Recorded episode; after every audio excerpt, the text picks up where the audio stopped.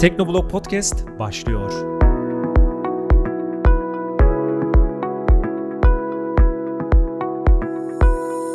Teknoblog Podcast'te haftaya bakış programına hoş geldiniz. Ben Sabri Küstür, Teknoblog Genel Yayın Yönetmeni ve yanımda da Sinan Küstür var. Daha doğrusu karşımda Teknoblog'un yazı işleri müdürü. Hoş geldin Sinan.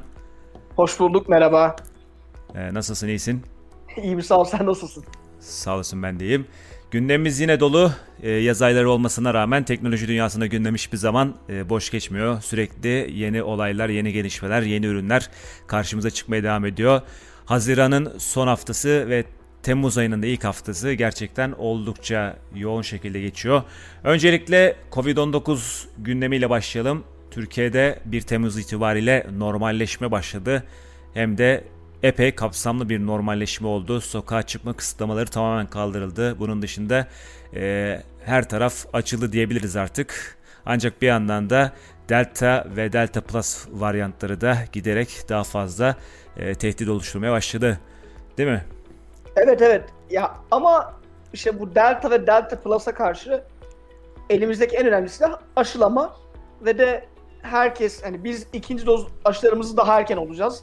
Onun dışında büyüklerimiz ve o ilk yani aşılama programının başında olanlarda e, iki doz Sinovac aşısı olanlarda bir dozla BioNTech aşısı olacaklar. En azından korumamız artıyor. Öyle bir durum var. Evet. Çünkü Sinovac aşılarında olanlar e, üzerinden 6 ay geçmeye başladı. Evet, evet. Aralığın 11 Aralık'ta başladı aşılama çalışmaları ve iki doz Sinovac aşısı olmuş olanların 6 ayı dolmuş durumda. Bazı araştırmalar zaten onu söylüyordu. İki doz Sinovac alanlar üçüncü dozu BioNTech olduklarında gerçekten dikkat eder bir koruma sağlanıyordu. Sağlık Bakanlığı da e, iki doz Sinovac aşısı olanlara üçüncü dozu BioNTech olarak yapmaya başladı. 50 yaş üstü e, vatandaşlarımız şu anda diledikleri zaman randevu alıp e, en yakın sağlık kuruluşuna veya özel hastaneye gidip ya da devlet hastanesine gidip aşılarını olabiliyorlar. Aynısı sağlık çalışanları için de geçerli. Bunun dışında zaten 18 yaşa kadar inmişti. Evet, ee, bizim evet. gibi bizim gibi daha önce ilk doz aşısını olanlar için de normalde 6 haftaydı bir sonraki randevu. Örneğin benim için Ağustos başında veriliyordu. O da Temmuz'un ortasına e, çekilmiş oldu. Tatile gitseniz bile dilediğiniz her yerde gidip en yakın sağlık kuruluşuna aşı olabiliyorsunuz. İlla ikamet ettiğiniz yerde olmanız gerekmiyor. E, merkezi hekim randevu sistemi üzerinden gidip randevunuzu kolaylıkla alabilirsiniz. Orada sistem gayet iyi çalışıyor. Bunun dışında yine e, dediğimiz gibi normalleşme başladı ve aslında öyle böyle normalleşme değil. Sabah radyoda e, bir spiker konuşurken sanki okul tatil olmuş, okulu tatil olmuş çocuk psikolojisi var dedi. Gerçekten insanlarda öyle bir şey oldu. Ee, E, tabii. Bilmiyorum sende de aynı şekilde mi? Yok bende de oldu yani ben yani dün akşam saat yani 11.30'da sokakta rahat bir şekilde yürümenin keyfi başkaymış. İnsan bunu öyle böyle bir yaz gününde öyle bir şey özlemiş. Ben bir de bir tekrar bir aşılama konusuna döneceğim. Ya aşı olmak çok kolay zaten yani gerçekten aşı olmak istedikten sonra olamamanız mümkün değil şu an itibariyle. Yani Marmaray'da Yeni Kapı istasyonunda az önce okudum. Orada aşılama yapılıyor artık. O noktaya gelmiş durumda. Oo, çok Burada güzel, çok güzel. Evet. öyle yani. Ee, son dediğini bir daha tekrarlar mısın? Orada bir şey yani oldu. herkes herkes git yani artık aşı olmak çok kolay. Aşı olmak istedikten sonra olamamak çok zor şu durum itibariyle. Herkes gitsin aşısını güzelce olsun. Evet. Öyle Sonra yani. bir bir uyarı daha yapalım bizi dinleyenler için. Maskeyi e, dışarıda bulunduğunuz zamanlarda takmaya özen gösterin. Evet mevsim yaz, hava gerçekten sıcak, bunaltıcı. Ancak maske takmak oldukça önemli. Bunalıyor olabilirsiniz ancak başkalarını da düşünmeniz e, gerekiyor. Bu nedenle e, özellikle toplum içindeyken maskenizi çıkarmamanız iyi olacaktır. Bazılarında şöyle bir e, düşünce de var. Zannediyorlar ki maske takmamak da yani maske takmak da artık zorunlu değil. Ancak öyle bir e, daha bir kural getirilmedi. Maske takmak hala dışarıda maske takmak zorunlu. Bunu da Evet. belirtmemiz gerekiyor. Değil mi? Evet evet. İnsanlarda o kuraldan kopmaya çok böyle bir meyil var maske kuralından. Yani herkes sıkılıyor. Biz de sıkıldık ama artık bir şekilde biraz biraz daha dişimizi sıkacağız ve de Evet. sabredeceğiz maske konusunda. Evet yapacak bir şey yok. Umarım bundan sonrası iyi olur. Yine de çok fazla sermemek lazım. Aşı oluyoruz güzel ancak sosyal mesafeyi temizliği hiçbir zaman elden bırakmamakta fayda var. Maskeyi de takmayı ihmal etmeyelim. Devam edelim. Ee, her hafta böyle programlarımızda Covid gündeminden bahsedersek güzel olur. Haftaya yine aynı şekilde gelişmeleri aktarırız. Teknoloji dünyasının gündemine dönelim biraz şimdi. Windows'tan bahsedelim. Geçen hafta programda bahsetmiştik. Windows 11'in ön gösterimi gerçekleştirilmişti ve bu hafta başında da pazartesi günü Windows 11'in ilk ön izleme sürümü yayınlandı. Ben de e, Huawei MateBook 13 2020 modeline Windows 11'in ilk e, betası ya da Microsoft'un deyimiyle ön izleme sürümünü kurdum ve yayınladığımız videoda da ve ön inceleme yazısında da nasıl bir deneyim sunulduğuna kısaca bir bakış attık. Biraz bana Microsoft'un bu Windows 11'i tabletleri andırdı ne yalan söyleyeyim. Gerçekten kilit ekrana baktığımda karşımda bir tablet duruyormuş gibi geliyor. Sen de biliyorsundur Windows 10 sistemlerde evet. kilit ekranında gerçekten bir bilgisayar arası vardır. Şimdi saat ve tarih öyle bir yerleştirilmiş ki sanki karşımda bir bilgisayar değil de tablet yatayda duran bir tablet varmış gibi geldi bana. Yani Microsoft galiba zaten yani bir önceki sürümde yani Windows 10'dan önce de böyle bir yani hem tablete hem de bilgisayara hitap eden bir şey yapmayı istemişti. Ama Windows 10'da o çalışmalara bir ara verildi. Tekrar Windows 11'de ortamın daha uygun olduğunu görüp o tarz bir rota öyle bir yola tekrar sapmış gibi görünüyorlar açıkçası. Ben de senin incelemenden gördüğüm kadarıyla söylüyorum ben de. Yani bir de Microsoft'un kendi olmadı. evet Surface Surface cihazları var biliyorsun. Yani evet. onlar da hibrit cihazlar, dokunmatik ekranlı hem tablet hem de dizüstü bilgisayar gibi kullanılıyor. Onlarda da Windows 11'in biraz daha iyi deneyim sağlaması düşünülmüş olabilir ve öyle bir yola girilmiş olabilir. Ancak kendi kafamda, benim kafamda hala Windows bir dizüstü bilgisayar işletim sistemi, tablet kullanımı konusunda kafam çok fazla yatkın değil ne yalan söyleyeyim. Bir de başlat menüsüne sol alt köşede o düğmenin orada oluşuna alışmıştım. Şimdi biraz daha macOS tarzı bir e, görev çubuğu var ya da dock diyelim artık Apple Dock diyor ona. Ve yani ne yalan söyleyeyim bence biraz daha geliştirme ihtiyacı var gibi başlat menüsünün özellikle o başlangıç ekranın. Onu da ya söylemem gerekiyor. Başlat menüsü e, bunu yani geçen hafta da konuşmuştuk yani başlat menüsü Microsoft'un böyle Windows'un böyle bir değeri böyle yani anıtsal bir şeydi böyle biz Değil mi? Aynen. Bizim bizim kuşağımız böyle bilgisayarla ilk haşır neşir olmaya başladığında işte sol alta gider başlata tıklar böyle programlar açılır falan böyle onu görürdük böyle. Şimdi yani Windows'un alameti farkalarından biriydi bence o şekilde bir başlat menüsü olması. Şimdi bu sefer böyle Apple'ın yani macOS'e benzer bir dok olunca böyle bir insan şey yapıyor. Yani tüm platformların birbirine benzer süreci devam ediyor yine. Bu da evet. alıştığımız bazı değerleri götürüyor. Değişir tabii. Kullanıcı yani alışmamız zaman alacak muhtemelen. Yani burada alışırız ama biraz zaman alır. Yani ruhunu kaybetmesi gerçekten evet, evet. iyi mi kötü mü orası tartışılır. Ee, ayarlar güzel olmuş. Biraz da orada iPad vari ya da Android tabletlerde gördüğümüz tarzda bir yenilik söz konusu. O açıdan Windows'un iyi bir noktaya geldiğini söyleyebilirim. Çünkü insanlar artık ayarlarda, akıllı telefonlarda veya tabletlerde gördüğü ayarları istiyor. Hatırlarsan eskiden Microsoft'un Windows'unda denetim masası vardı. Hat, hat, evet. Aslında hala var. Hala var ama çok daha arka planlarda artık. Ee, Windows 10'la birlikte ayarlar tarzında ya da hatta Windows 8'de ayarlar tarzında bir e, kontrol mekanizması geldi. O denetim masasını hatırlarsan çok karmaşıktı yani bir ayarları yapmak etmek çok böyle e, biraz uzmanlık gerektiriyordu. Hiç bilgiye sahip olmayan çok e, giriş seviyesinde bir kullanıcının denetim masası üzerinden ayarları yapması zordu. Şimdi Windows 11 ile birlikte çok daha basitleştirildiğini gördüm ayarların ve çok daha anlaşılır olmuş. Windows 10'a göre bile önemli ilerlemeler var o tarafta ya eskiden bu temel bilgisayar özellikleri yani o Windows'un temel özelliklerini kullanmak için kurslar vardı yani ne bileyim böyle denetim masasına nasıl gidilir falan böyle kurslar vardı yani. Evet, her evet herkes için Windows. Evet, evet. Yani herkes da, için dummies, da, dummies evet. Windows for dummies. Yani, böyle, yani böyle insanlara böyle özellikle da, yani bizden de böyle bizim yani anne babamızın nesline falan bilgisayar o şekilde öğretiliyordu. Öyle bir dönem vardı ama şimdi akıllı tele, yani akıllı cihazlarla beraber herkes kolay bir kullanıcı deneyim, deneyimine alıştı. Ve de dolayısıyla artık masaüstü cihazda da bu kolaylığı arıyor insanlar. Yani bir ayarı hemen gidip rahatça bulayım. Zaman kaybetmeyeyim hissiyatı var, isteği var. Dolayısıyla Microsoft'un da bu doğrultuda sadeleştirmeye gitmesi diyeyim artık böyle ayarlar konusunda kolaylaştırması önem taşıyor. Yerinde bir hareket. Evet. Evet haklısın. Sezgisel kullanıcı arayüzü. Yani Evet. arayüzde sezgisellik yani kendi kendine öğrenebilme yeteneği o çok önemli. Windows 11'de bu alanda gerçekten çalışmalar var özellikle ayarlar tarafında. Bunun dışında bildirimler ve denetim e, hızlı ayarlar diyeyim. Onlar sağ alt köşede bulunuyor. Onlarda da biraz macOS havası var. Yani şu kendi kişisel fikrim başlat menüsünün yapısı dışında ve yeri dışında Windows 11'deki değişiklikler güzel. Duvar kağıtları bayağı hoşuma gitti. Windows ona göre o alanda gerçekten güzellikler söz konusu ve Windows 11 için gerçekten simge niteliğini taşıyacaktır. O duvar kağıtları güzel olmuş ve koyu mod, aydınlık mod bunların da geçişlerinin iyi şekilde ayarlanması güzel. Bakalım ilk ön izleme sürümü yaz boyunca muhtemelen Ekim, Kasım ya da Aralık. Ekim şu anda Microsoft'ta konuşuluyor. Yani konuşulmuyor da dışarıya sızan bilgiler bu şekilde. Windows 11 yüklü ilk bilgisayarlar o zaman çıkacak. Bunun dışında senin bir haberini gördüm, yazdığın bir haber. 2022'den önce mevcut Evet. Windows 10 bilgisayarlara gelmeyecekmiş sanırım.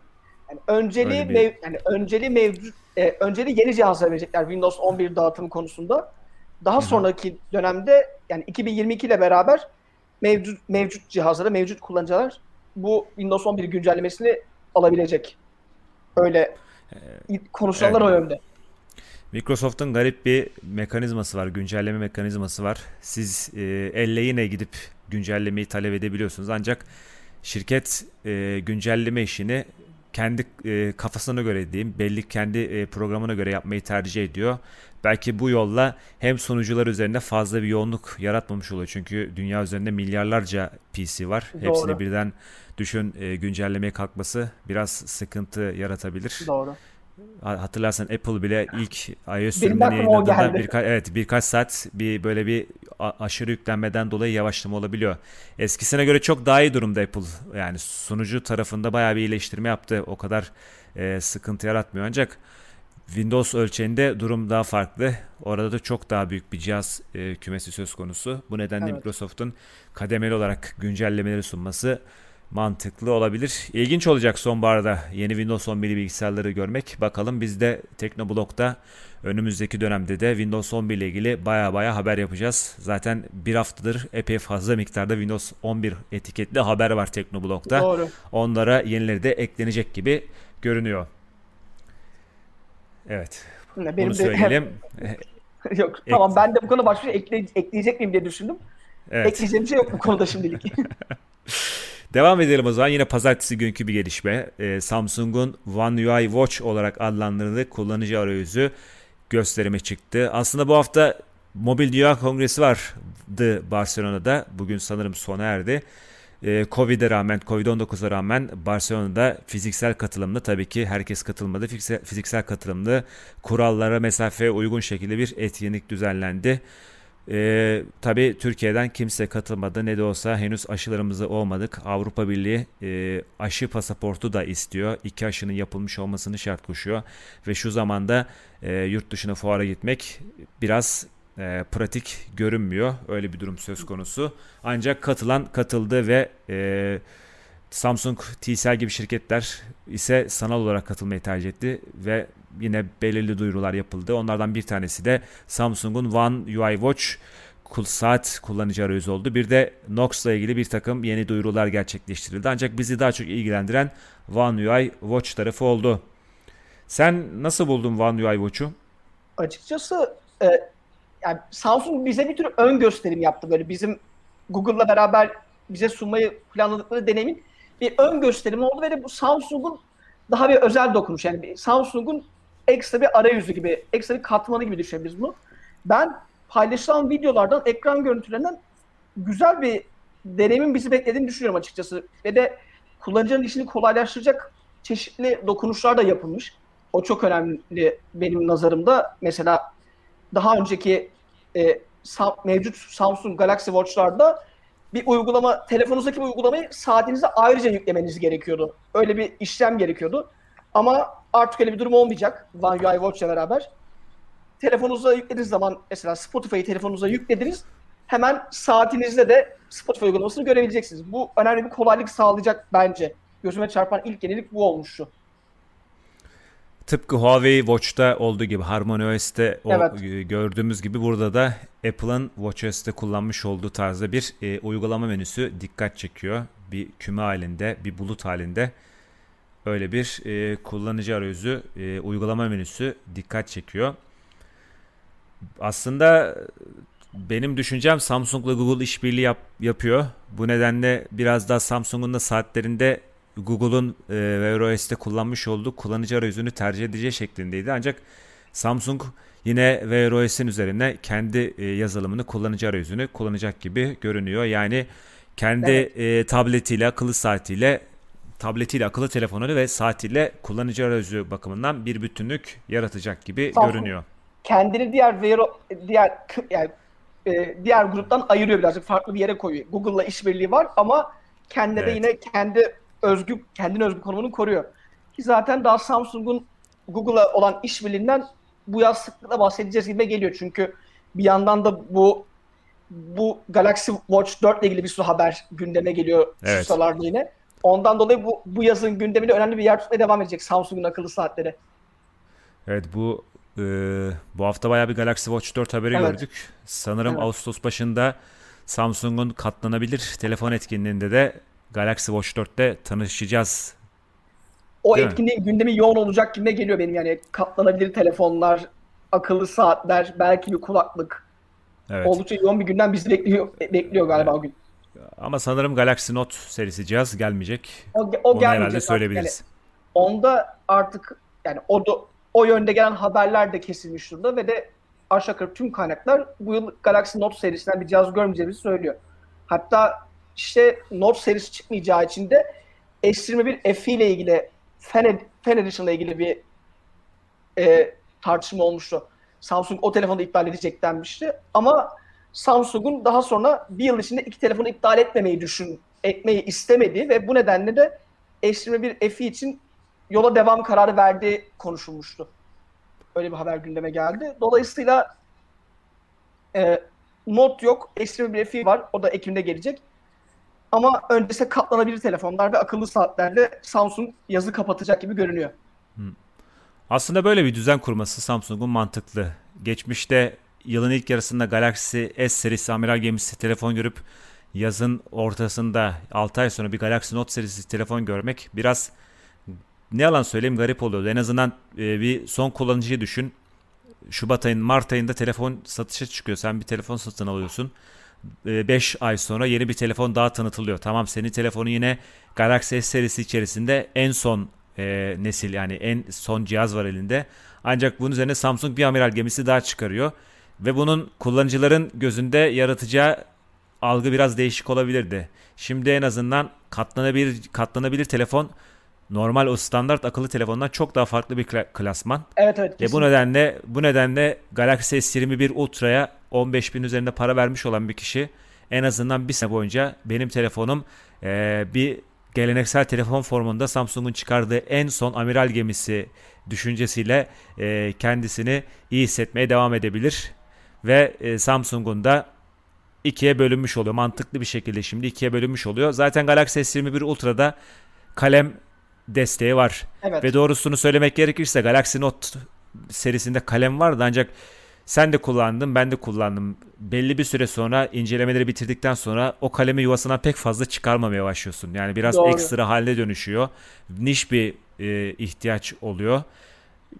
En azından Galaxy S21 Ultra'yı satın alıp eğer ekranda çizim yapacaksan, bir şeyler yapacaksan kalem aygıtında ayrıyeten edindiğin zaman iş çok daha e, basit oluyor. Yeni bir ayrı bir modeli, modeli çıkarmaya gerek kalmadan sadece aksesuarla not alma, çizim yapma ihtiyaçlarını karşılamış oluyorsun. Öyle ki eğer kullanıcı kendisine Samsung ekosistemi kurmayı tercih ederse diyelim ki bir Galaxy e, TBS7 ya da TBS7 Plus satın aldı. Onlarda kalem de geliyor biliyorsun. Doğru. O kalemi de Galaxy S21 Ultra'da rahatlıkla kullanabiliyorsun. Yani böyle bir durum söz konusu. Yani Samsung'un Galaxy Note serisini kaldırması iyi bir şey.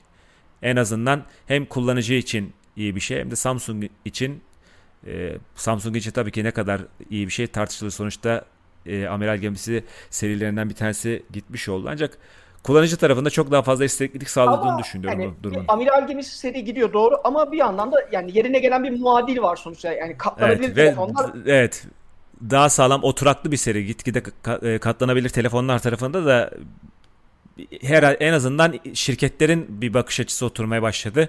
evet, bir evet. kullanıcı benimsenmesi durumu söz konusu. Eskiden çok daha böyle nasıl diyeyim ilk tanıtıldığını hatırlarsın. Yüksek fiyatlı telefonlar hoş yine yüksek fiyatlı ancak e, zamanı şartlarında çok çok daha yüksek fiyatlardan bahsediliyordu.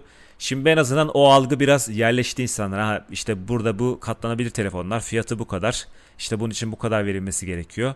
Yani orası ayrı bir seri oldu ve daha ucuz seçenekleri de görmeye başladık. Yani Evet, demek evet. istedim demek istedim katlanabilir telefonlar oturdukça Samsung'un da ürün segmenti içinde ayrı bir e, yer edinmiş oldu ve Samsung'un bu segment için yılın farklı bir döneminde farklı bir etkinlik düzenlemesi de artık mantıklı ve önümüzdeki dönemde bizim de kabul edebileceğimiz bir gerçek olacak. Yani seneye artık mesela Galaxy Note işte Ağustos ayında Galaxy Note serisi telefon tanıtılır diye beklemeyeceğiz. İşte. Ağustos ayı bundan böyle Fold serisi katlanabilir telefonların ayı. Samsung'dan bunu bekliyoruz diyeceğiz. Zaten geçen sene biliyorsun Galaxy Z Fold 2 ile bunun kapısı açılmıştı. Geçen Hı hı. sene Ağustos'ta çıkmıştı. Eylül'de Türkiye'ye gelmişti. Aynısı bu dönem bu sene de olacak. Ve Benzer artık dönüşüm evet. Evet. Be- benzer bir dönüşüm Huawei'de de olabilir benim düşüncem. Çünkü yani Huawei'de bu sene P50 daha tanıtılmadı. Mate'le P50 serisi, P50 arasındaki pencere iyice e, daralmış durumda. Aralık iyice kısalmış durumda. Dolayısıyla uzun vadede yani belki de bir iki sene içinde belki de Huawei'de P serisini sabit tutup Mate serisine de katlanabilir telefonlara yönelme gibi şey gidebilir gibi ge- geliyor benim de. Öyle bir düşüncem var.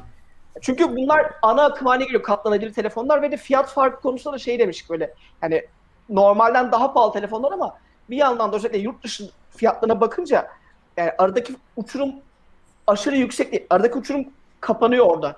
Fiyatlar birazcık daha aşağı iniyor. Dolayısıyla zaten insanlar bir Galaxy Note'a veya Huawei Mate serisine vereceği paranın biraz daha üzerine koyarak katlanabilir ekranlı bir telefon olabilecek hale geliyor ufaktan. Yani Doğru, evet. dolayısıyla e, bir serileri sadeleştirmek mantıklı görünüyor tüm üreticiler için. Onu söylemek Aynen. istedim ben de. Evet doğru dedin. Huawei tarafında da P ve Mate gibi iki farklı serinin olması. Yani P sonuçta biraz daha fotoğrafçılığa odaklı. Ancak P serisinde gördüğümüz bir yenilik kısa bir süre sonra 6 ay sonra Mate serisi telefona da geliyor.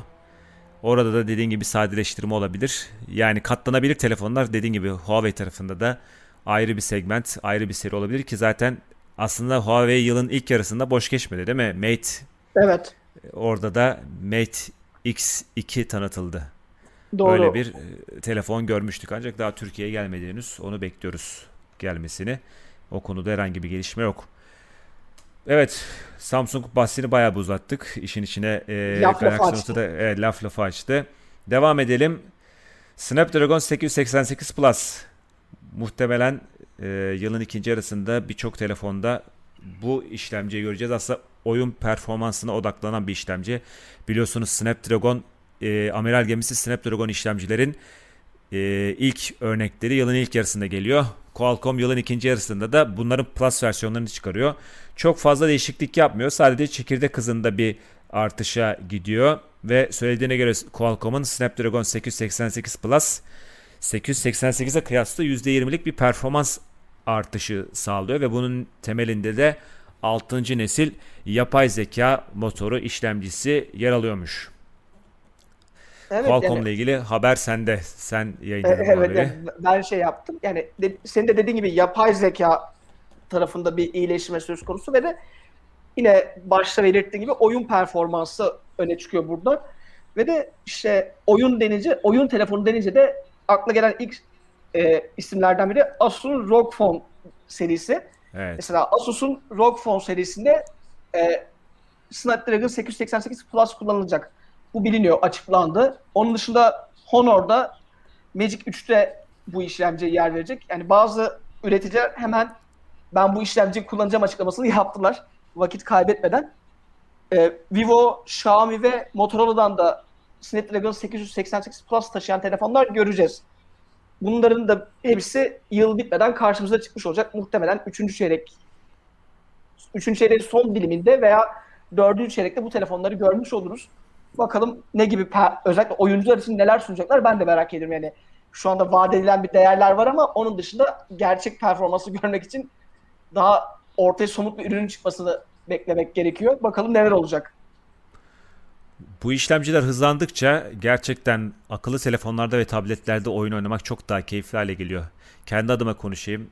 Gidip bir tane uzaktan kumandalıp da e, tablete takıp oyun oynasam mı diye düşünmüyor değilim. Yani bir oyun konsolu almak yerine bir tane oyun kumandası almak yeter artık. Yani mesela bir PlayStation 4 kumandasını al. iPad'e bağla. Doğru. Android telefona bağla. Çok güzel şekilde oyunları oynarsın. Yani mobil tarafta oyunlar zaten konsol oyun tarzına gelmeye başladı. İşlemciler de çok iyi şey, seviyede e, performans sunuyor. Yani şöyle bir e, hep bilirsin ilk başta oyun PC'de oynanır diye bir algı vardı. Daha sonra konsollar çıkınca işte esas oyun keyfi konsollarda yaşanır diye bir algı oluşmaya başladı. Ancak şimdi iş akıllı telefonda, tablette de konsolu PC yaratmayan bir oyun deneyimi yaşanabilir noktasına geliyor. Yani ben en azından dışarıdan çok ben profesyonel e, ben oyun konusunda biraz daha yabancıyım ne yalan söyleyeyim. e, eksikliğimiz bizim o. Ancak bir oyun konusunda giriş seviyesinde ya da giriş orta seviyesinde olan bir kullanıcı olarak izlenimim, düşüncem bu şekilde. Ki zaten piyasanın bu yöne gittiğini büyük markalar da gördü. Yani Apple, Google, Microsoft evet. hepsi bunu gördü de buna göre adımlar dağıttılar. Yani telef yani mobil cihazlı oyun oynama deneyimi artık hepimizin hayatında çok daha önemli bir yer tutuyor. E, daha es, yani 10 yıldır böyle ve de eskiden sadece basit oyunları oynayabiliyorduk. Geçen gün seninle konuşuyorduk böyle telefonda oynadığımız oyunlar şey Angry Birds, Flight Controller evet. gibi oyunlar oynuyorduk. Şimdi grafik e, kapasitesi yüksek oyunlar bile telefonlarla telefonlarda, tabletlerde kolaylıkla oynanabiliyor. Artık öyle evet. bir dönemdeyiz. Evet hazır oyun konusuna e, konuşurken aklıma iki haber geldi. Onu da kısa kısa belirtelim. Hı hı. Angry Birds dedin. İlki Angry Birds 2 Huawei App Gallery'e geldi.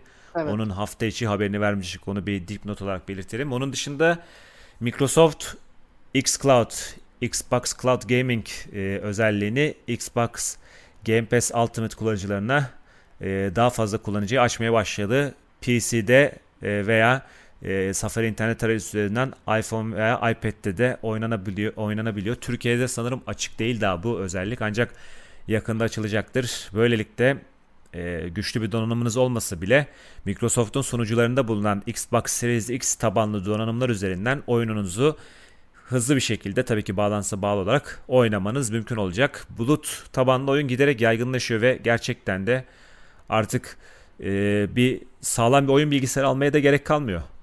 Doğru. Yani gelecekte artık tamamen bulut tabanlı oyunlarla iş yürüyecek gibi geliyor. Tamamen demesem de en azından e, ortalama bir oyuncusu yani mesela senin benim gibi oyuncular için tamamen bulut tabanlı bir oyun deneyimi bize bekliyor gibi geliyor bana. Evet bu özellikle e, bilgisayar seçimi konusunda oyun performansını düşünmeyip de bütçesini düşünen işte ben esasında bilgisayarı işim için derslerim için istiyorum. Oyun konusu çok önemli değil diyen kullanıcılar için bu bulut tabanlı e, sistemler, oyun platformları gerçekten epey kullanışlı olacak gibi görünüyor. Bakalım Türkiye'ye geldiği zaman da deneyimleme fırsatı buluruz. Devam edelim. Vodafone'un dün basın toplantısı vardı. Vodafone'da 1 Temmuz'da normalleşme adımlarının başlamasıyla birlikte vakit kaybetmeden ilk fiziksel en, toplantıyı gerçekleştiren şirketlerden biri oldu. Evet. Evet. Nasıldı toplantı? Sen gittin. Ben gittim. Açıkçası açık havadaydı. O güzel bir tercih. Yani havanın sıcaklığına rağmen açık havada olması iyiydi. Ee, ve de daha öğlen sıcağı bastırmadan toplantı hemen halledildi. O açıdan güzeldi.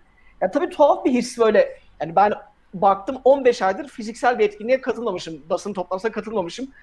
Ve de insanları hep böyle e, küçük karelerden görüyordum Zoom'da veya başka platformlarda.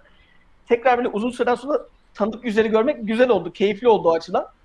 Öyle toplantıda hani Vodafone'da yeni bir servisin duyurusunu yaptı. Daha doğrusu onların tanı, e, tanımıyla şey yeni nesil bir mobil deneyim duyurdular. Simple adını verdikleri. Evet biraz detay alalım yani, senden evet, biraz o konuda. Onda, e, artık günümüzde hepimizin böyle paket seçerken, telefonda paket seçerken önceliğimiz internet e, kaç gigabayt internet veriyor. Önceliğimiz o yönde. Vodafone da bunu merkeze almış. Dijital deneyimin üzerinde. Ve de yani paket e, kullanıcılara simple paketleri sunuyor ama bunlar tamamen sunulan e, gigabyte üzerinden şekilleniyor. Yani her pakette standart olarak bir 10 SMS ve 1000 dakika var. Ama onun dışında paketler, tarifeler 1000 tamamen SMS, 1000 SMS 1000 dakika. hayır, mı? 1000, 10 dakika, 1000, 1000 dakika 10 SMS. Ha, 1000 o kadar yani. 10 1000, 1000 SMS vermiyor. 10 SMS veriyor Vermiyor. sadece. Çünkü 10 SMS'i kabul, yani bir SMS'imizi kabul edelim hiçbirimiz kullanmıyoruz artık böyle. Ha, haklı. Çok Evet, nadiren gerçekten. kullanıyoruz.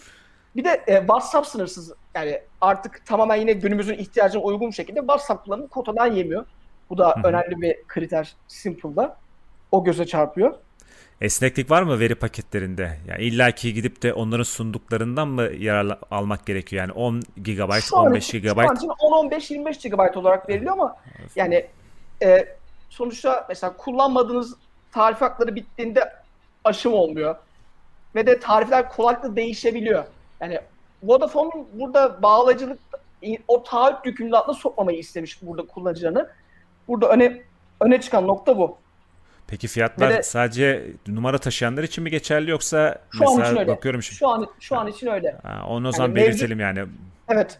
Yani şu an için sadece yani yeni Vodafone aboneleri numarası taşıyarak Vodafone'a gelenler bu simple, Bu simple. tarif simple tariflerinden seçim yapılacak ama Vodafone mevcut abonelerine de bu imkanları sunacak yakında. Bunda toplantıda belirttiler. Onu o zaman biz haberde de güncelleme yapalım. Çünkü haberde sanırım Hı hı. bu detay atlanmış. Onu sonra bir eklemeyi Hı gerçekleştirelim. hı. Ben fiyatları vereyim.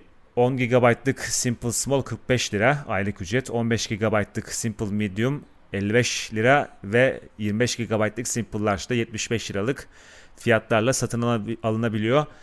Bir kişisel deneyimimizi aktaralım senin de. Ee, bir Evet, hattı doğru. Vodafone'a taşıdık ve gerçekten diğer operatörlerde de mi bu şekilde mi bilmiyorum ancak Vodafone'da oldukça e, basit bir şekilde gerçekleşti. Web sitesinden bir formu doldurduk. Daha sonra ertesi gün Vodafone'dan bir müşteri temsilcisi adresimize kadar geldi. Sözleşme imzalattı ve sonrasında da sim kartı verdi ve sonrasında birkaç gün içerisinde de hat taşıma, numara taşıma işlemi gerçekleştirildi. Eskisini ben en son numara taşımayı ne yalan söyleyeyim 10 sene önce gerçekleştirmiştim. Tabii numara taşıma artık çok eski. 2008'lerde 2009'larda başlamıştı sanırım. Doğru. O zamana göre o zamana göre çok daha farklı, çok daha pürüzsüz bir geçiş gerçekleştiriliyor. Bu açıdan iyi. Tarifeler de aslında bakarsan numara taşımayı çok daha cazip hale getiriyor ve sanırım bu sistemi de bu şekilde kullananlar da vardır. Yani Bir sene bunu bir sene Vodafone'da, bir sene. Türk Telekom'da, bir sene Turkcell'de duran kişiler vardı sanırım. Herhalde gezinip duruyorlardır. muhtemelen çünkü bunu konuş biz seninle daha önce yani kendi aramızda. Yani normalde müşteri sadakati de ödüllendirilen bir şey ama bir yandan da yeni müşteriyi çekmek için de tüm operatörler çok cazip teklifler sunuyor ve de insan da bu insan da aklı çeliyor bu tekliflerde. En azından hatlarımdan birini şuraya taşıyayım gibi düşünebiliyor. Yani Evet. pratik olması açısından. Ve de yani Vodafone'un sunduğu deneyim gerçekten çok pratik bir deneyimdi numara taşıma konusunda. Onu Evet, belirtmekte onu fayda bir- var. Evet, bir deneyim olarak onu da belirtelim. Hı hı. Simple bu şekilde Vodafone'un web sitesinden detaylara bakabilirsiniz. Şimdi yine Türkiye'den başka bir habere bakalım. Getir bu yıl epey fazla gündemde yer tutuyor. Normalde Teknobulon tam odağına girmiyor ancak e, deneyim sunduğu için bireysel tüketicilere de yönelik bir servis olduğu için getir haberlerinden bahsediyoruz e, Teknoblog'da sıklıkla. Ve bu yıl içerisinde biliyorsunuz ikinci unicorn oldu getir ve kısa sürede aldığı yatırımda değerini 7,5 milyar doların üzerine çıkardı ve yurt dışı açılımlarını da hızlı şekilde gerçekleştiriyor. Bu yılın başında Londra'da faaliyet göstermeye başlamıştı. Daha sonra Paris ve Berlin açıldı, Amsterdam açıldı. Şimdi ilginç şekilde Getir büyüme stratejisini bir satın almayla da destekledi. Evet. Blo- Blok adı verilen İspanya hızlı market teslimat uygulamasını satın aldı ve bu sayede sadece İspanya'ya da girmekle kalmıyor. İtalya ve Portekiz'e de giriş yapıyor. Getir. Madrid'de, Milano'da ve Lizbon'da sanırım 3 şehirde e, Getir faaliyet gösterecek. Bloğun adı Getir'e dönüştürülecek. Ve bu şekilde bir daha şöyle söyleyelim. Bir e, düzeltme yapayım. Madrid ve Milano'da faaliyet hemen geçiyor. Blok çünkü oralarda aktif. Daha sonra Roma ve Lizbon'da da operasyonlarını Getir markası altında sürdürecek. Ve böylelikle Getir'de Avrupa'da hizmet verdiği ülke sayısını 7'ye çıkarmış olacak. Türkiye ile birlikte toplamda 8 ülkede hizmet vermiş olacak. Yani getir Türkiye'den çıkan en güzel hikayelerden biri gibi görünüyor şu an itibarıyla. Yani bu Avrupa genişlemesinde gerçekten önemli bir iş başarmış gibiler. De bunu da yani bir yandan baştan bir operasyon kurmak da kolay değil gerçekten. Bu bu ülkelerde operasyon kurmak kolay değil. Dolayısıyla koşullar uygun muhtem uygun olduğu için satın alma yoluna gitmeleri de mantıklı görünüyor onlar için. Çünkü zaten blok mesela Lisbon ve Roma operasyonu neredeyse hazırmış. Yani bir şekilde zaten hazır olan bir şeyi de devralmış olacaklar. O açıdan onlar için mantıklı bir adım gibi görünüyor. Muhtemelen Avrupa'da da yani bu ülkelerde hizmet verdikleri şeylerin de sayısını artıracaklardır önümüzdeki dönemde diye düşünüyorum. Öyle evet. bir şey yapacaklardır. Pandemi getire fazlasıyla işe yaradı. İnsanların dışarı çıkmaya çekinmesi başlarda özellikle biliyorsun sen de durumu. Evet. Herkes getire yönlenmişti ve e, getir de bunu gayet iyi değerlendirdi ve yurt dışındaki ihtiyacı da iyi gördü. Aslında yurt dışında bu model de yeni değil. Tamam getir modeli getirdi ancak getir benzeri servisler yurt dışında evet, da vardı. Evet. Ya, Hatta bazı Türkiye'de de faaliyet gösteriyordu. Evet. Glovo falan vardı doğru ama onlar evet. tutunamadı hatta öyle bir şey oldu. Ama benim yurt dışında gördüğüm şöyle bir şey var yani benim kendi yaşama deneyimimden de gördüm mesela böyle bu tarz hizmet işlerinde, bu tarz servis işlerinde bizim Türklerin yapısı çok daha iyi geliyor bana. Yani Türkler çok daha iyi bir organizasyon kuruyor. Bu konuda gerçekten iyiyiz. Ben e, İngiltere'de yaşarken Yemek Sepeti'nin muadili olan bir platformu denemişim. Sene 2010 o zaman. Yani mesela Yemek Sepeti'nin altyapısından arayüzüne kadar her şey çok daha iyiydi. O platforma Hı-hı. kıyasla. Onu hatırlıyorum yani. yani kendi kişisel deneyimim olarak. Dol- ve de eser şey durup böyle yurt dışındaki arkadaşlarımızla konuşuyorduk. Onlar şey böyle bizim ülkemizde McDonald's eve servis yapıyorduk.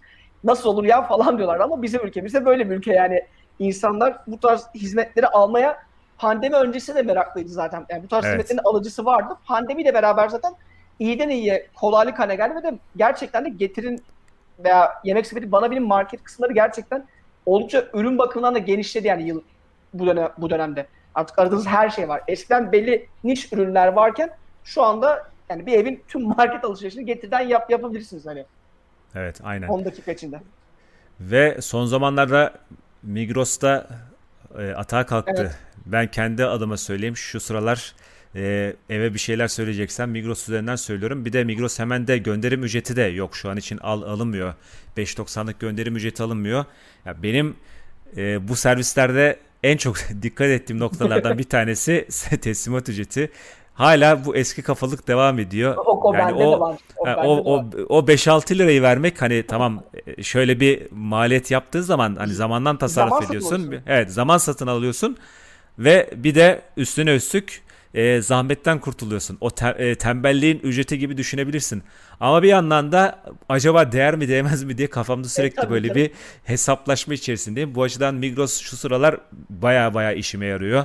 E, son verdiğim siparişleri eve bir şeyler söyleyeceksem Migros hemenden söylüyorum. Onlar da bir sadeleştirmeye gitmiş. Migros uygulamasına taşımışlar bütün e, işlevleri.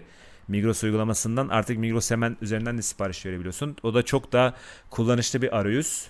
Ee, çoğu kişi için zaten Migros market konusunda şeydir. Sanal ayrı market. bir yerdedir. Evet sanal market. Onun dışında ürün çeşitliliği konusunda Migros iyidir. Onu Migros Hemen'e iyi şekilde taşımış gibi görünüyor. Şu son bir ayda epey fazla miktarda Migros Hemen siparişi yaptım.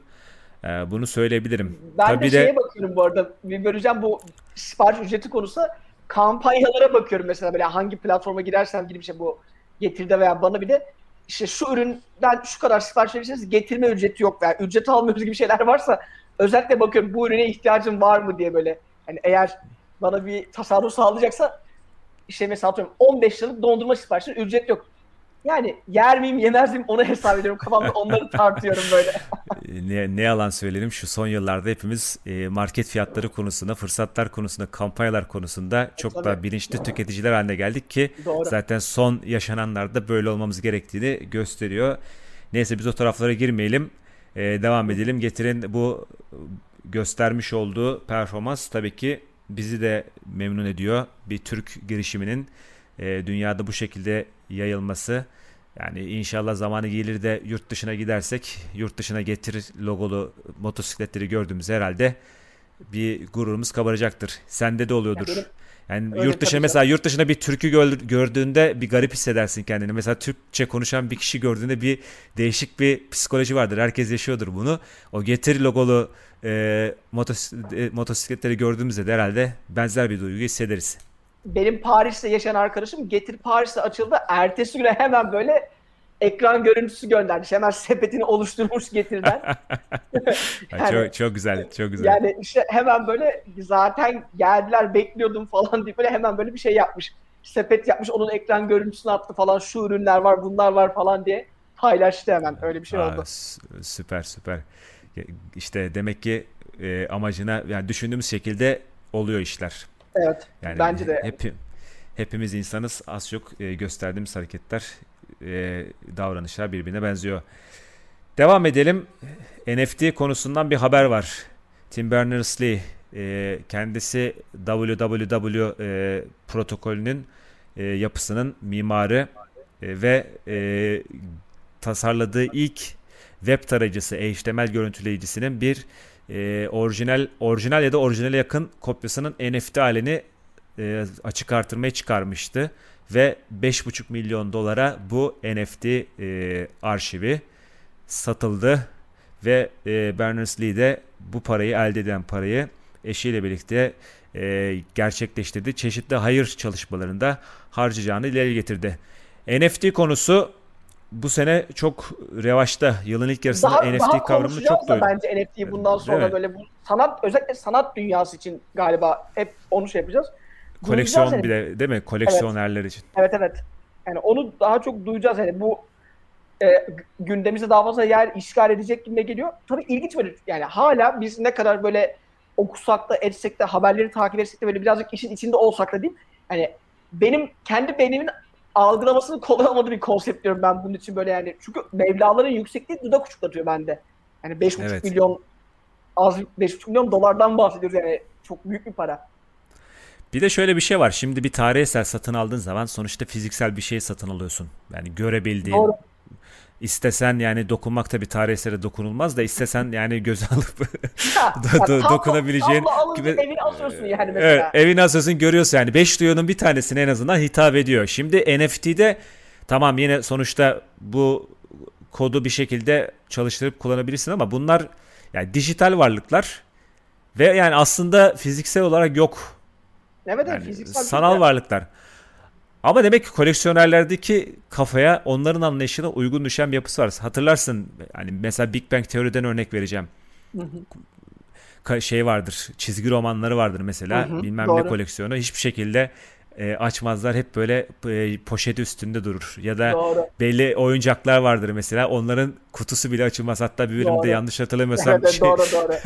Sheldon'la e, Leonard'ın ikisinin de aynı he- aynı hediye geliyordu. Birbirleriyle kavga ediyorlardı. Öyle bir bölüm hatırlarsın Evet, sen de. Sheldon, açıp bo- kendisininkini kırıyordu. Evet. Leonard'ınkiyle değiştiriyordu. Evet. Yani demek ki bu NFT olayı da öyle bir şey. Tabii canım ya, koleksiyonerler için onların farklı bir düşünce yapısı olduğu bariz hani bunu cezbediyor onları. Ama uzun vadede belki de bu yani tabii çok ahkam kesmek gibi oluyor ama yani belki de gelecekte sanat bu formatta olacak tamamen bilemiyoruz böyle. Yani sanata ulaşmak kolaylaşacak diye konuşuyoruz Evet. ya böyle. Belki de geleceğin sanat formu NFT üzerinden ilerleyebilir gibime geliyor. Evet bir açıdan haklısın. Özellikle resim için yani koruma Evet. maliyeti yok. Sonuçta dijital bir şey. Bozulması durumu söz konusu değil. Yine NFT'nin mantığı neticesinde eşsiz bir varlık. Tekrarlanması, bir şeylerle değiş tokuş edilmesi vesaire mümkün değil. Gerçekten dediğim gibi sanat eserleri için, sanatçılar için, koleksiyonerler için NFT büyük bir gelecek vaat ediyor ve teknoloji dünyasında da koleksiyonculuğu, toplayıcılığı biraz daha farklı bir boyuta taşıyacak gibi görünüyor. Mesela e, Twitter'da ilk tweet. e, Evet evet. 3 o bile- milyon doların biraz altında işte bu Evet. haberde de geçiyor zaten. evet, Çok böyle yani da- bir tweet ve de o tweet de yani şey Twitter'ımı kuruyorum diye bir tweetti yani böyle Jack Dorsey'in yazdığı böyle Evet. Sesli Evet. harflerin olmadığı bir tweetten bahsediyoruz. Yani 140 karakterin 10'u falan kullanılmıştı galiba maksimum öyle bir şey. Yani öyle bir tweet Evet. 3 milyon dolara gitti. Yani 3 milyon doların bir altına bir rakama gitti o tweet'in NFT'si. Çok acayip rakamlar. Evet. Ve böyle daha şaşırtıcı şeyler duymaya, duymaya Daha devam çok- edeceğiz gibi daha çok görünüyor. duyacağız ya kesin artık bu bu formatta daha karşımıza çok ilginç şeyler çıkacak gibi geliyor benim. Evet.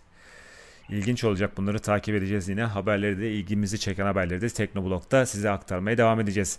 Şimdi Instagram'a geçelim. Instagram'da ilgi çekici bir haber çıktı. Biliyorsun bu son zamanlarda hatta geçen hafta da konuşmuştuk. Patreon, YouTube, e, katıl e, özelliklerine benzer özellikleri Twitter'da ve başka platformlarda daha sık biçimde görmeye başladık. Bu hafta içerisinde mesela Facebook'ta Bulletin diye bir servis, abonelik, bülten abonelik servisini duyurdu.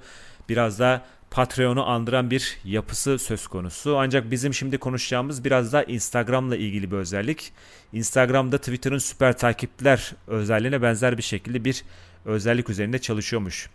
Bildiğiniz gibi sen de biliyorsun yakın arkadaşlar özelliği var. Sadece Hı hı. hikayelerini yakın arkadaşlarına paylaşabiliyorsun. Başkalarını görmesini istemediğin hikayeler varsa sorgulanmak, sosyalleşen mesaj mesajlar almak istemiyorsan buna gerek var mıydı? İşte görmeyen var, etmeyen var falan e, şeklinde tepkiler almak istemiyorsanız yakın arkadaşlarınızla paylaşabiliyorsunuz. Şimdi Instagram'da sadece para veren e, abonelere paylaşılabilecek bir takım hikayeler üzerinde çalışıyormuş. Öyle bir e, söylenti çıktı ortaya. YouTube'un katıl butonu gibi bir şey aslında. Yani özel içerik böyle yani para verenlere özel içerik. YouTube'un katıl butonu Evet. bir şey bu aslında. Evet. Ama, Ama geçen hafta iyi- söylediğimi ye- e, yine diyeceğim. Sen buyur sen söyle. Yok sen söyle sen söyle. Sen geçen haftadan devam et. Ben başka bir şey çekeceğim Instagram'da Hı ilgili hı. çünkü. Geçen hafta söylediğim gibi Patreon'da, YouTube'da biraz daha uzun tatmin edici içerikler parayla paylaşılıyor. Ama E, Instagram'ı da şöyle Instagram'ı da şöyle düşünmek lazım. Instagram biraz daha insanların özel hayatlarında neler yaptığı, neler ettiğiyle ilgili ya insanlar o meraklarını gidermek için biraz hikayelerde dolaşıyor ediyor.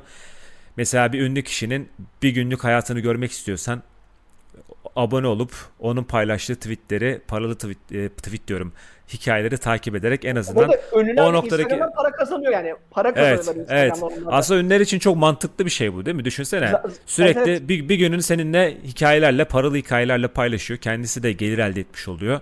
Bir açıdan bak böyle söyleyeyim ama yani Twitter'a göre biraz daha mantıklı görünüyor hikaye Ya, tarafı. Bir de Instagram benim anladığım bu, bu imkanı herkese vermeyecek zaten. Belli marka hesaplarına veya mavi tiklere verecektir muhtemelen. Ve de zaten bu e, dediğimiz ünlüler yani bu ünlü isimler zaten Instagram'da yaptıkları paylaşımlarla e, veya türlü şeylerle onlara para alarak zaten belli bir para karşılığı yapıyor bu paylaşımlar. Dolayısıyla Instagram üzerinden bir gelir kalemi daha elde etme fırsatı onların da onlar için mantıklı olabilir.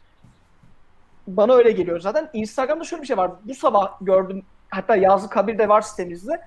Instagram CEO'sunun bir açıklaması düştü. Bir sosyal medyaya kendi hesaplarından paylaştı. Adam Mosseri'nin açık açık şunu söyledi. Instagram bir fotoğraf paylaşma uygulaması değildir. Yani Evet. zaten bundan çıkmıştı. Yıllar oluyor artık bence. Ama Evet. artık bu malumun ilanı yapıldı ve de Instagram insanların eğlenecekleri bir yer diyor.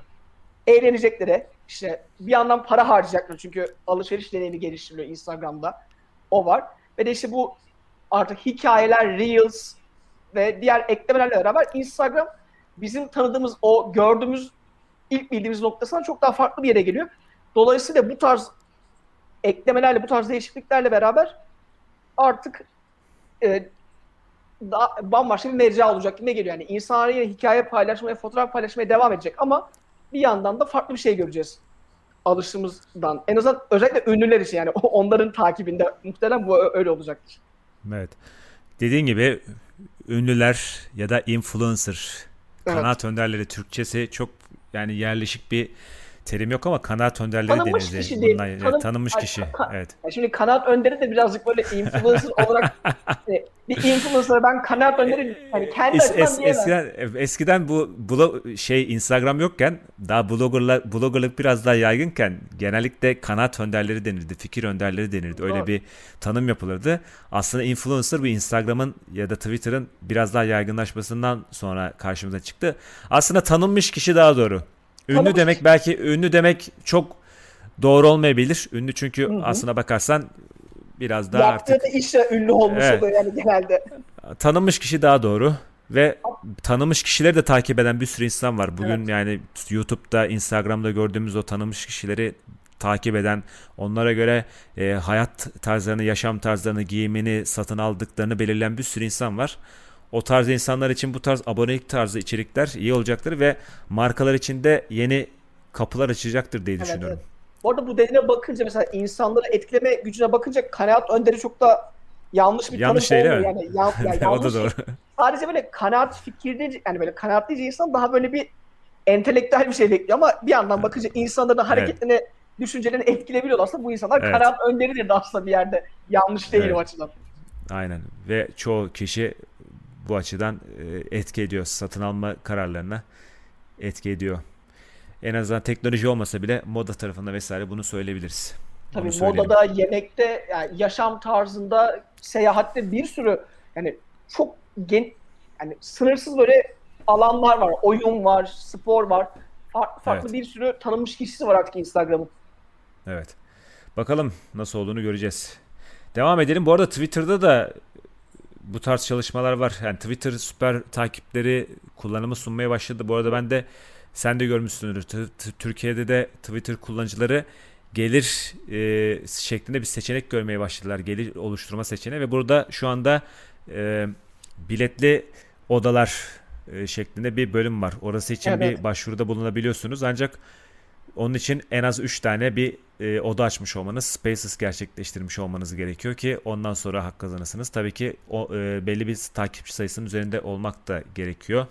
Böyle bir takım gereksinimler söz konusu. Buna göre biletli odalara başvuru yapabilirsiniz. Başvurunuza göre de karar veriliyor.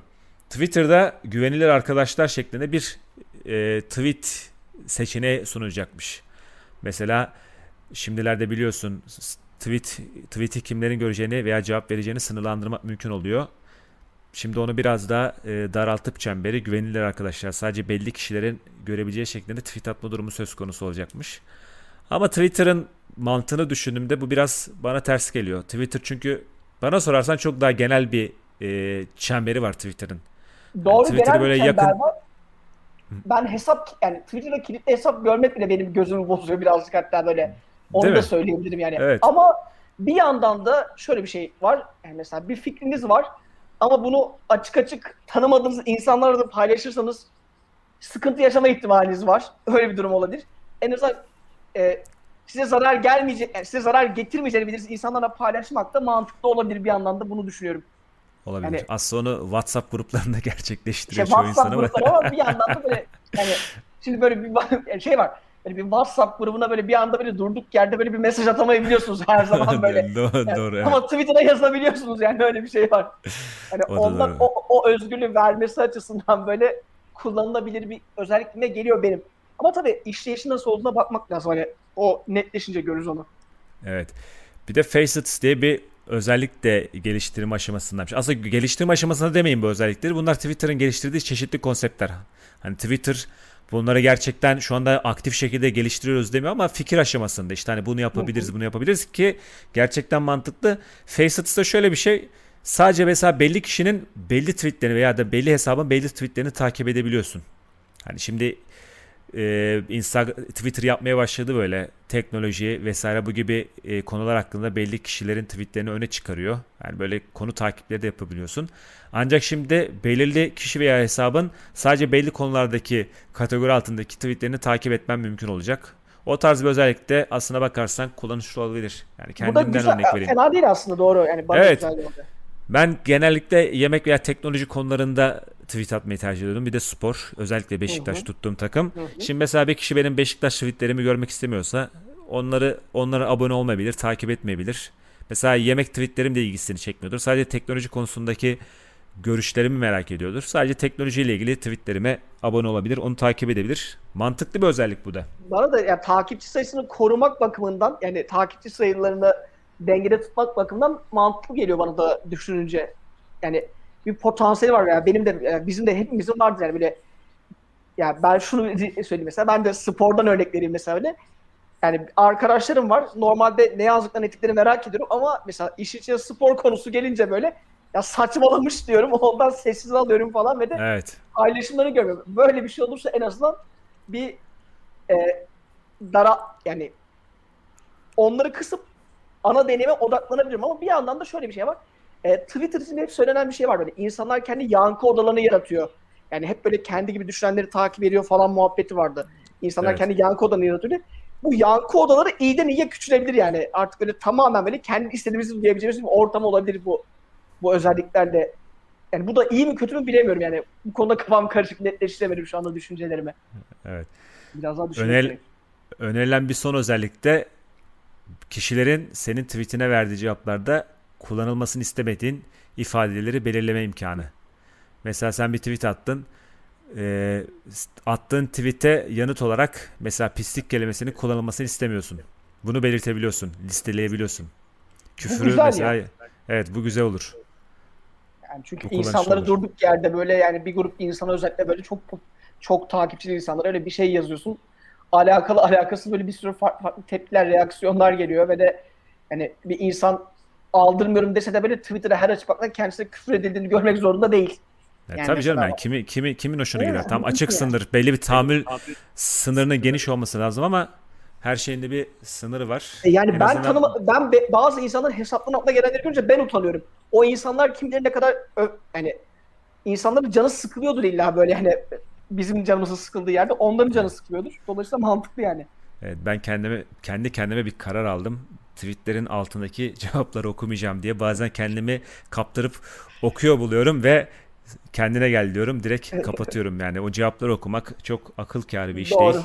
Doğru. Onu söyleyelim. Böyle bir özellik gelirse güzel olur. Özellikle e, sanatçılar, politikacılar, yüksek takipçi sayısına sahip olanlar, belli bir kitleye hitap edenler için böyle özellik güzel olur. Umarım bu üç özellik de gelir. Gerçekten kullanışlı özellikler ve Twitter'ı çok daha verimli hale getirecek özellikler bunlar. Bence de bir de artık böyle yani platformlarında bir şekilde yani mevcut yapılanan memnun olsak da bir yandan da gelişmeleri gerekiyor. Çünkü yani yaşadığımız dünya çok dinamik olduğu için bu Evet. platformların da kendini yeni, yenilemesi gerekiyor. O açıdan da bu Evet. tarz hamleler önemli. Evet. Nereden nereye geldik? Twitter başta çıktığında, iPhone'lar ilk çıktığında uygulaması bile yoktu. Resmi Twitter uygulaması yoktu. Üçüncü taraf uygulamaları kullanıyorduk. Ekofon Şimdi vardı ya. e, Ekofon vardı evet. Şimdi geldiğimiz noktada artık dediğimiz olay yani uygulama platform olayını yazılım altyapı olayını geçti. Artık direkt kullanıcı deneyimini e, verimli bir şekilde tartışmayı artıracak, insanların bu açıdan ihtiyaçlarını karşılayacak servisleri çıkarma onları konuşuyoruz. Güzel. Böyle olması güzel. En azından Bence son de. hatırlarsan bir, bir iki senedir özellikle son pandemiden beri çok daha fazla miktarda bu yaratıcılığa odaklı, verimli şekilde tartışma odaklı hizmetleri, özellikleri her platformda görüyoruz ve görmeye de devam edelim. Umarım çok daha iyiye gider. Twitter e, güzel bir ortam. En azından insanların hiçbir maliyete girmeden kendilerini ifade edebilecekleri bir ortam. Haber alma açısından da Twitter gerçekten kullanışlı bir ortam. Ve Temel Twitter'ın haber da kaynaklarından biri artık bence. Evet, yani evet, habere evet. hızlı ulaşmak isteyenler için. Aynen dediğin gibi ve Twitter'ın da daha iyi hale getirmek için çalışıyor olduğunu görmek güzel. Son bir habere geçelim artık. Kapatalım zaten bir saati de doldurmak üzereyiz. Bu hafta içerisinde Apple iOS 15, iPadOS 15, WatchOS 8, macOS 12, tvOS 15 sürümlerinin public beta versiyonlarını yayınladı. Public beta demek herkes açık beta sürümleri. İlk başta geliştiricilere özel sürümler çıkmıştı. Şimdi ise artık meraklı kullanıcıların Apple beta programına kaydolarak bu beta sürümlerini indirme imkanı ve test etme imkanı bulunuyor. Teknobolog.com'da iOS 15 ve iPadOS 15 ile ilgili bir rehber yayınladık. Diğer sürümler için de yayınlamayı planlıyoruz. Onu da belirtelim. Böylelikle bu e, işletim sistemi işletim sistemi sürümlerini test etmek istiyorsanız rehberlerim size yardımcı olacaktır. Bununla birlikte beta sürümlerinden en son güncel sürüme dönmek isterseniz iOS 15 Public Beta'dan iOS 14'e dönmek isterseniz bunun nasıl yapılacağı konusunda da size yararlı bir içeriğimiz olacak. Bunun en azından ben sözünü vermiş olayım kendi adıma. Ve Teknoblog'da biz zaten e, geliştirici beta sürümlerini kurmuştuk ve iOS 15'te iPadOS 15 için yayınlamıştık e, ön incelemeleri. WatchOS 8 için Public Beta'yı bekliyordum ben. Onunla ilgili bir içerik de çıkacağız. Aynısı macOS 12 için de geçerli. Yani kendi adıma söyleyeyim Teknoblog.com'da önümüzdeki günlerde yazın bu rehavetine rağmen, durgunluğa rağmen epey dolu olacak. Bizim gündemimiz epey yoğun şekilde ilerliyor. Elimizde gündemimizde epey fazla miktarda cihaz var. İncelenecek ürün var. Onları da ulaştıracağız Ki Sinan'la birlikte. hani teknolojide durmuyor zaten yani yeni Evet, ürün es- dedikoduları, yeni platformlar yani hareketlilik dinmiş değil. Evet. Hani yaz rehaveti Evet. yok burada. Evet biz e, yaz yaz olsa da gittiğimiz her yere işimizi taşıyarak bir şekilde e, çalışmaya size en iyi, e, en hızlı ulaştırma, en iyi şekilde ulaştırmaya çalışıyoruz ve çalışmaya da devam edeceğiz. Podcast konusunda da geri dönüşlerinizi, yorumlarınızı bekliyoruz. Geçen hafta ilk programımızı yapmıştık. Bir takım aksaklıkları gördük. En azından ses konusunda e, ben bir takım kendi sesimde aksaklıklar gördüm. Umarım şimdi düzelmiştir. Eğer sıkıntı varsa gelecek hafta onları nasıl daha iyi hale getiririz e, diye kafa yoracağız ve onları da çözmeye çalışacağız. Ve içerik konusunda ya da başka noktalar hakkında söylemek istedikleriniz varsa onları da sosyal medya hesaplarımızdan bize ulaştırabilirsiniz ya da bilgeteknoblog.com adresinden ulaştırabilirsiniz. Bir birçok kanalımız mevcut durumda. Hatta telefon numaramız bile yazılı. WhatsApp'tan bile ulaştırabilirsiniz düşüncelerinizi. Her türlü görüşe, öneriye açık olduğumuzu belirtelim. Evet yani bu gelecek geri bildirimler bizim için de önemli. Onu söyleyelim yani her türlü görüş başımız üstüne yeri var. Evet. Ve kapatalım artık. Bir saati doldurduk. İki dakika kadar, bir dakika kadar da geçmişiz. Güzel. Ee, zamanı iyi şekilde kullanıyoruz. Gündemimizi bitirdik. Son söyleyeceklerim varsa onları alalım. Yok. e, herkese iyi bir hafta diliyorum tekrar. Öyle kapatayım.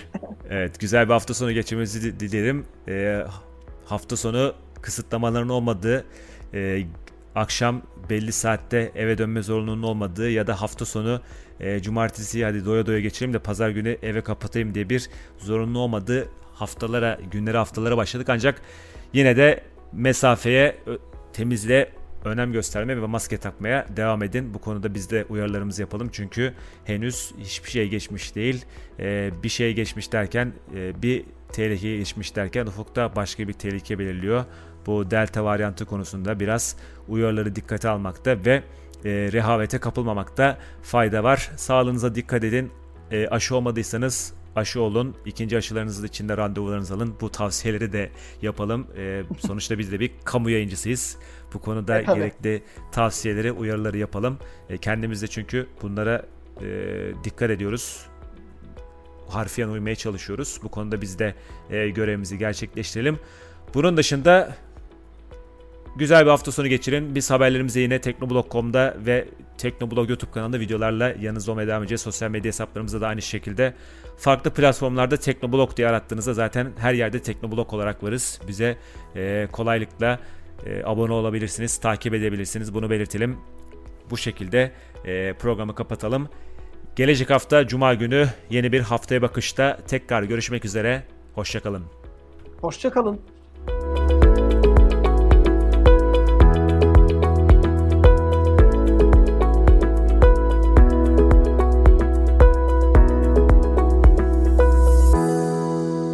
Teknoblog Podcast sona erdi.